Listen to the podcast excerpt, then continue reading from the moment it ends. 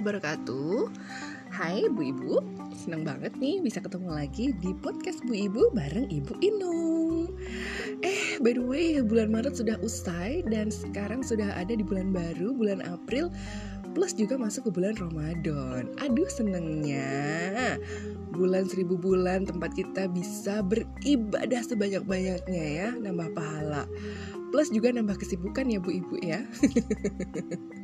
bener kan nggak bisa dipungkiri bahwa di bulan Ramadan ini justru kita akan lebih sibuk ya uh, sibuk nyiapin sahur, sibuk nyiapin takjil dan makanan buat iftar ya, masak buka uh, buka puasa. Terus juga kalau punya bocil-bocil di rumah itu aduh kayaknya gue juga tetap nambah ya karena uh, kita tetap harus nyiapin makanannya khusus kan di luar jam buka puasa gitu kan. Dan tetap nggak mengurangi kegiatan yang biasa kita lakukan di rumah secara rutin. Misalnya tetap beberes ya, tetap kerja untuk yang working mom gitu ya, yang WFH juga tetap kerja. Dan nambah kerja juga kadang ya barangkali ya. Apalagi buat yang benar-benar memanfaatkan momen uh, puasa dan menjelang lebaran gitu biasanya bu ibu banyak yang uh, open PO uh, cooker kue kering buat lebaran, open PO untuk uh, takjil kayak gitu ya. Biasanya dilakukan oleh ibu-ibu yang uh, pinter bikin-bikin nih di dapur nih gitu, punya kemampuan untuk bikin kue kering, untuk masak-masak buat takjil gitu kan. Buat yang kurang uh, demen berproduksi biasanya ya apa? Oh jualan baju lebaran kayak gitu. Hmm, pokoknya nambah-nambah banget deh di bulan Ramadan ini. Ah, kayaknya kalau dibayangin itu kayaknya sehari dua hari tiga hari sehari-hari itu bakalan full gitu ya. Full capek lelah hektik gitu. Apalagi belum juga ditambah dengan mikirin uh, yang namanya THR uh kalau punya ART punya pegawai selain ART juga nih mungkin punya sopir mungkin punya asisten khusus bagian perdapuran untuk uh, produksi cooker gitu kan. Kan juga tetap harus dipikirin ya THR-nya mereka ya. Belum nanti kalau misalnya uh, ngasih THR untuk saudara-saudara juga gitu kan. Nggak habis-habis deh gitu kan. Jadi yang namanya Ramadan mungkin nggak cuma mikirin ibadahnya doang tapi mikirin banyak hal justru banyak hal lebih banyak dari hari-hari biasa kayaknya ya dan kadang-kadang kalau misalnya kayak gini tuh jadi overthinking ya nggak sih mikirnya banget banget gitu loh karena apa? Karena kadang belum nemu solusi dari awal bulan Ramadan itu. Aduh, oh iya THR. Kenapa nggak dari kemarin nggak disiapin ya? Kenapa, kenapa harus sekarang ya? Gitu. Harus sekarang nih mau disiapin nih gitu.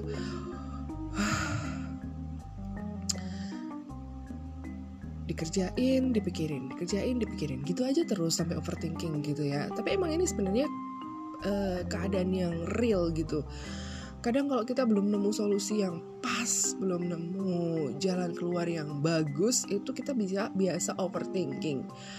Apalagi ngelihat orang terdekat misalnya, tetangga lah ya gitu kan. Wah, hidupnya lancar banget apa namanya ibadahnya lancar juga kayaknya uh, sehari-hari tuh nggak ada masalah gitu. Kita jadi insecure sendiri ya. Wah kok dia bisa gitu sementara gue bisa gue bisa gini-gini aja kayak gitu. Nggak baik itu sebenarnya ya. Apa overthinking insecure. Lama-lama kalau kita selalu kayak gitu terus bisa jadi depresi ya nggak sih? Aduh jangan sampai deh. Jangan sampai yang namanya overthinking insecure depressed itu menjadi bagian dalam hidup kita dan justru menghancur, menghancurkan mental health kita. Ya bu ibu ya. Jangan sampai gitu kan. Alhamdulillah mintalik semoga aja di bulan Ramadan ini kita diberikan uh, segala macam kelancaran dalam uh, beribadah terutama. Yang kedua dalam kehidupan sehari-hari kita gitu supaya tidak mengganggu mental health kita dan ibadah kita. Aduh, Bu Ino dari tadi ngomongin mental health terus sih. Apa apakah episode ini akan mengomongkan tentang mental health? Bisa jadi, bisa jadi, bisa jadi. jadi um, mental health itu sebenarnya udah lama banget ya dibicarakan ya sekitar setahun dua tahun kemudian tiga tahun lalu. Tapi mungkin belum banyak yang gitu. Tapi sejak uh, banyak sekali selebritas Indonesia artis-artis Indonesia itu yang speak up yang uh, coming out yang ngomong jujur li bahwa mereka ngalamin ini gitu kan akhirnya yang namanya mental health itu me, mu, apa ya men, menguak menguak uh, apa ya jadi jadi jadi banyak sekali yang ngomongin gitu loh ada yang terang-terangan bilang bahwa mereka itu uh, mengalami yang namanya bipolar. Terus juga ada yang bilang bahwa absennya dia di dunia entertainment itu karena dia harus berjuang melawan ADHD gitu ya yang ada dalam dirinya gitu kan. ADHD tahu kan ya? Attention deficit hyperactivity hyperactivity disorder gitu. Terus ada juga yang kena PTSD, post traumatic stress disorder, ada juga yang kena BPD, borderline personality disorder gitu. Nggak perlu aku sebut satu satu persatu. Silahkan di googling sendiri, bu ibu pasti juga udah melek teknologi ya, jadi bisa di googling sendiri apa apa itu semua dan siapa siapa yang pernah ngalamin itu dan bagaimana perjuangan mereka sampai sekarang, gitu ya. jadi gini kemarin-kemarin itu eh, banyak yang DM banyak yang DM bahwa bu kok nggak ngebahas soal ini sih di podcast? Soal itu tuh yang ibu-ibu menggorok tiga anaknya yang di Brebes tuh loh.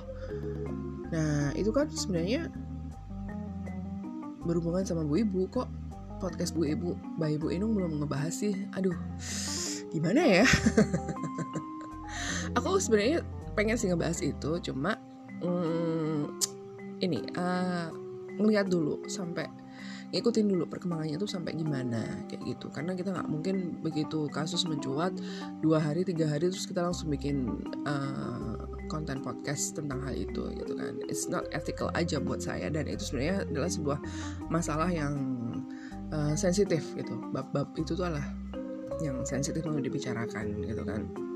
Memang nih saya yakin gak cuma saya aja banyak netizen 62 ini ya plus 62 itu dikejutkan dengan pemberitaan tentang seorang ibu yang menggorok tiga orang anaknya. Ibunya berinisial KU gitu ya. Ya kan? Kita pasti terkejut dong tentang pemberitaan itu. Seorang ibu menggorok tiga orang anaknya dan bahkan satu orang anaknya itu akhirnya meninggal dunia belum-belum nih. Ya. Belum-belum. Para pirsawan berita dan netizen plus 62 terhormat itu udah ngejudge duluan. Judgementnya seperti ini. Pasti ibunya tuh kena mental health. Ya. banyak banget komentar-komentar di uh, sosmed-sosmed gitu di internet yang bunyinya seperti itu Padahal ya paham aja enggak gitu loh. Kenapa kok si ibu ini sampai tega ngelakuin hal itu gitu kan? Ya itu sebenarnya hal yang patut disayangkan ya. Belum-belum udah bisa ngejudge gitu. Nah, dari mentalhealth.gov ya, mental health includes our emotional, psychologist and social well-being. It affects how we think, feel, and act.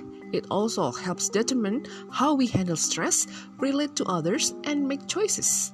Mental health is important at every stage of life, from childhood and adolescence through adulthood. Artinya kurang lebih seperti ini. Kesehatan mental itu mencakup kesejahteraan emosional, psikologis, dan sosial kita. Itu mempengaruhi cara kita berpikir, cara kita merasa, dan cara kita bertindak. Ini juga membantu menentukan bagaimana kita mengalami stres sorry menangani stres berhubungan dengan orang lain dan membuat pilihan-pilihan. Ini penting pada setiap tahap kehidupan dari mulai kanak-kanak dan remaja sampai dewasa. Itu yang disebut dengan mental health. Jadi sebenarnya mental health itu tidak sepenuhnya uh, berarti negatif ya. Jadi mental health itu adalah sesuatu yang berhubungan dengan emosional, psikologis, dan kesejahteraan sosial kita.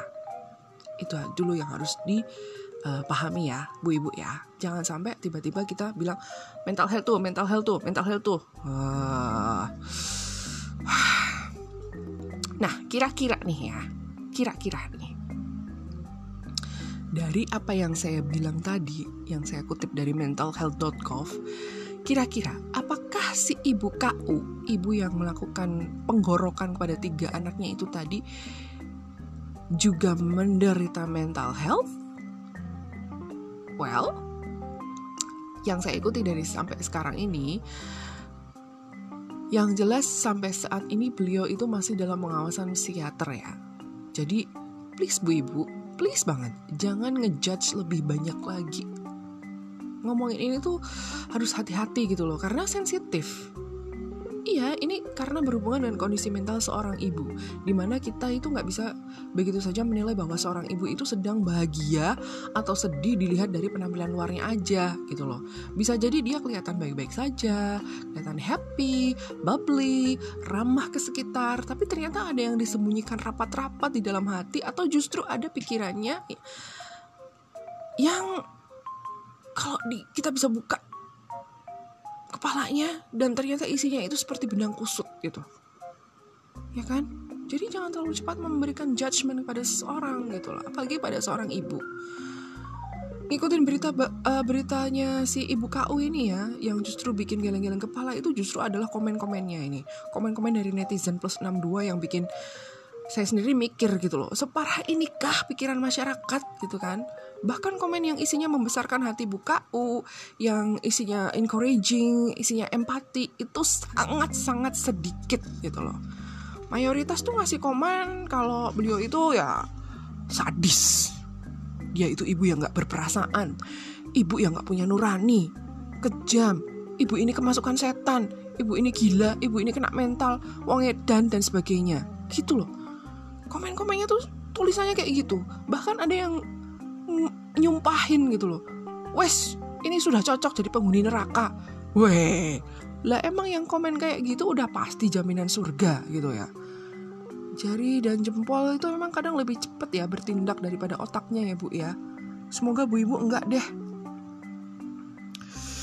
Saya jadi aduh ngelus-ngelus dada. Dadanya saya sendiri ya bukan dadanya bapaknya orang lain gitu kan memang ya apa yang dilakukan Bu KU itu adalah sebuah bentuk tindak pidana gitu loh. Bisa kena pasal percobaan pembunuhan dengan rencana.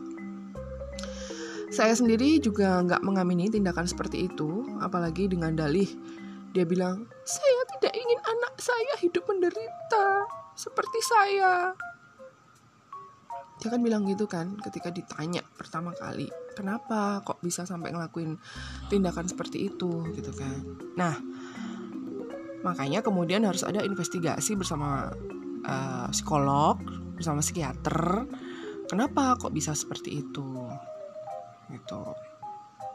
Dan ini penting. Banyak ya Bu berita berikutnya yang beredar kalau Bu KU ini udah lama nanggung derita karena harus tinggal terpisah dari suami karena suaminya merantau ke Jakarta dan dia hanya tinggal bersama tiga anaknya gitu. Kabarnya juga suaminya hanya ngirim tiga setengah juta per bulan dan sebagainya dan sebagainya. Kabar-kabarnya seperti itu di berita-berita online, di berita-berita TV juga seperti itu. Dan justru berita-berita ini lagi-lagi malah jadi sasaran komentarnya netizen.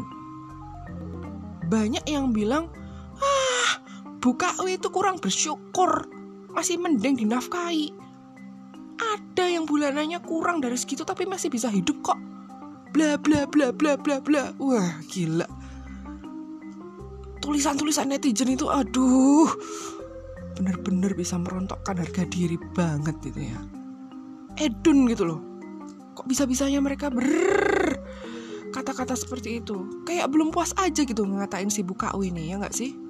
Ada juga yang malah nyalahin Makanya kalau nggak bisa nafkahin keluarga, punya anak jangan banyak-banyak. Wah ini, baca komen gini, aku pribadi jadi ke-trigger dong. Secara anakku tuh empat, ya nggak sih?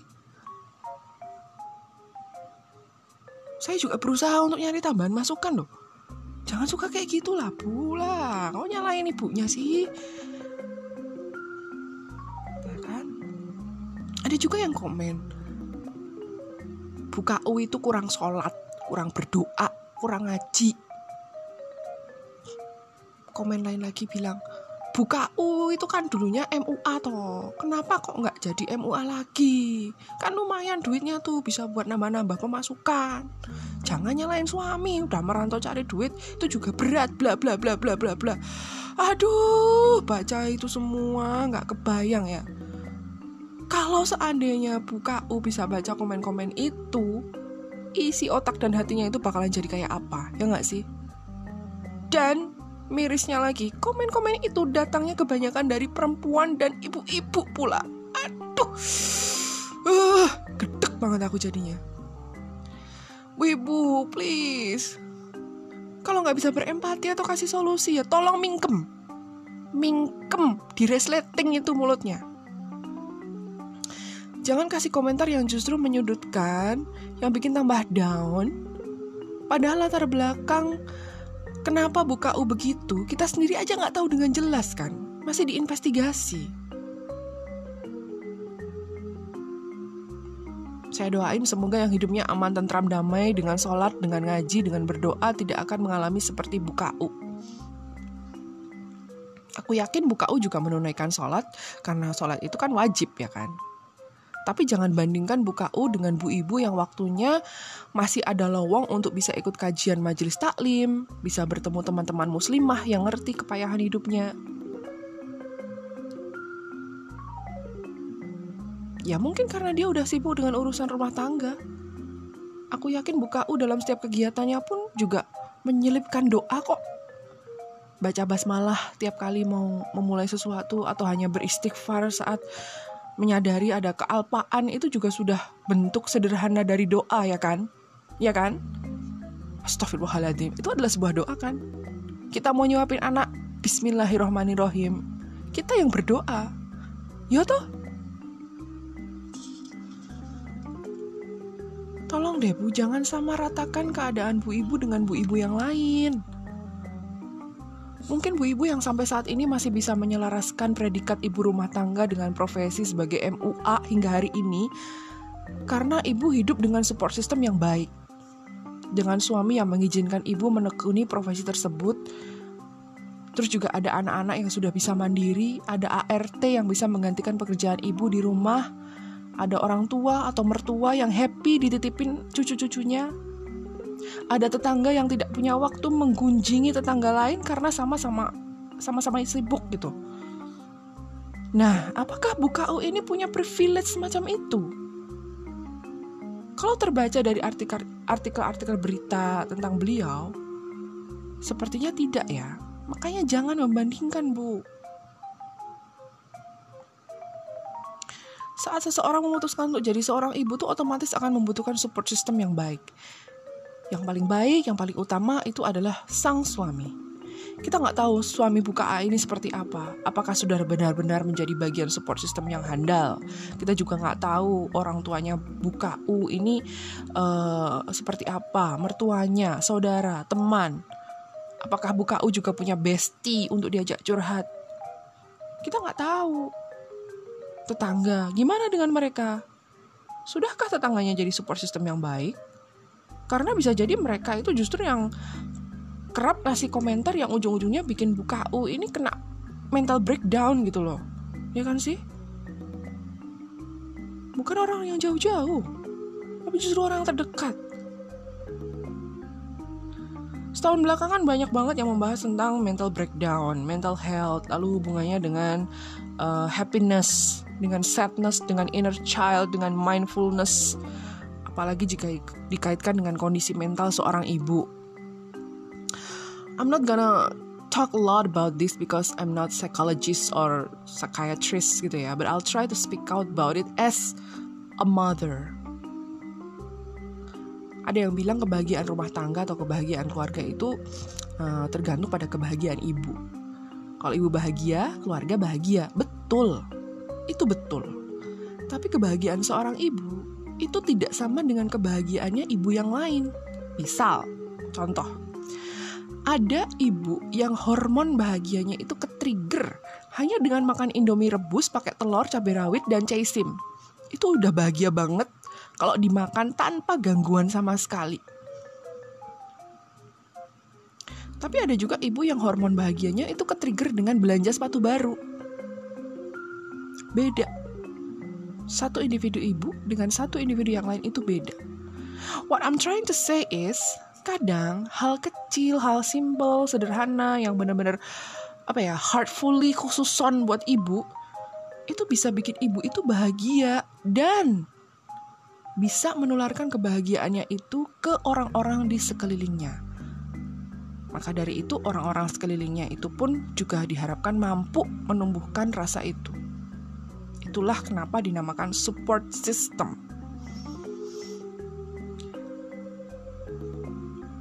Banyak orang selalu menaruh ekspektasi besar dari seorang ibu bahwa ibu itu harus bisa ngurus rumah dengan baik, dengan bersih, dengan rapi, sampai kinclong rumahnya bahwa ibu itu harus bisa ngurus anak dengan kasih sayang, anak jadi sehat, anak jadi berperilaku baik, berakhlak mulia, anak tidak nakal. Ibu harus bisa tetap tampil cantik, bisa tetap aktif di acara sosial. Padahal, padahal tidak semua ibu bisa dan mampu. Karena banyak sekali faktor yang lain. Ibu-ibu pasti bisa uh, pasti ada kemau kemauan ya yang namanya ibu-ibu tuh pasti ada kemauan untuk bisa itu semua tapi jika tanpa support yang namanya kemauan itu ya hanyalah angan-angan. Ibu pengen kok memenuhi permintaannya anggota keluarga untuk bisa tetap tampil cantik tapi tanpa support. Gak dibeliin make up gak dibeliin kosmetik gak dibeliin skincare. Bahkan kadang untuk mandi aja sampai telat-telat karena tanpa support Semoga kasus buka U ini jadi lesson learn ya buat kita semua ya, perempuan, ibu-ibu dan juga masyarakat plus 62. Ini adalah bukti nyata kehidupan seorang ibu di Indonesia yang bisa dibilang tidak seperti glamornya Nagita Slavina gitu. Kita juga nggak tahu pasti kan dalam hati dan pikirannya Mama Gigi itu seperti apa, ya kan? Mungkin dia juga pernah kena mental tapi kitanya aja yang nggak tahu. Bisa jadi kan? So, that's why jangan terlalu cepat memberikan judgement tertentu terhadap orang lain, terutama pada seorang ibu. Ya bu, semoga bu ibu juga ingat dulu pernah ada kasus ibu kena baby blues lalu memekap anaknya yang lagi tidur pakai bantal sampai mati. Ingat ya dulu. Baby blues.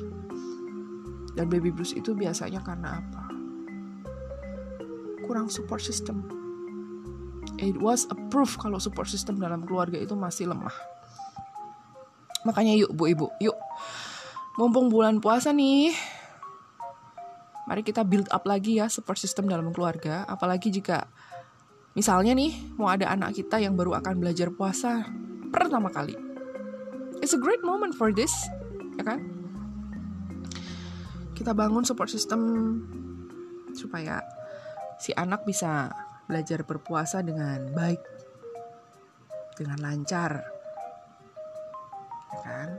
Karena ini adalah satu momen supaya dia bisa menghargai orang, menghargai bulan puasa itu sendiri.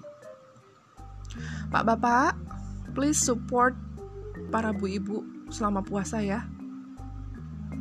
Bangun bareng dini hari untuk nemenin bu ibu nyiapin sahur. Itu sudah cukup menenangkan hati bu ibu kok pak. Meskipun bapak nggak ikut masak, tapi dengan nemenin aja, ajakin ngobrol pada saat bu ibu masak sahur, itu sudah sudah cukup membuat ibu itu tidak merasa sendiri. Bu ibu, yuk komunikasikan lagi dengan Pak suami tentang apa pun yang ibu pikirkan ya. Jangan dipendam sendiri. Obrolan random pun bisa jadi uh, sesuatu yang menambah kedekatan dalam keluarga gitu. Misalnya ngobrolin, eh tiket Justin Bieber kok sudah sold out ya?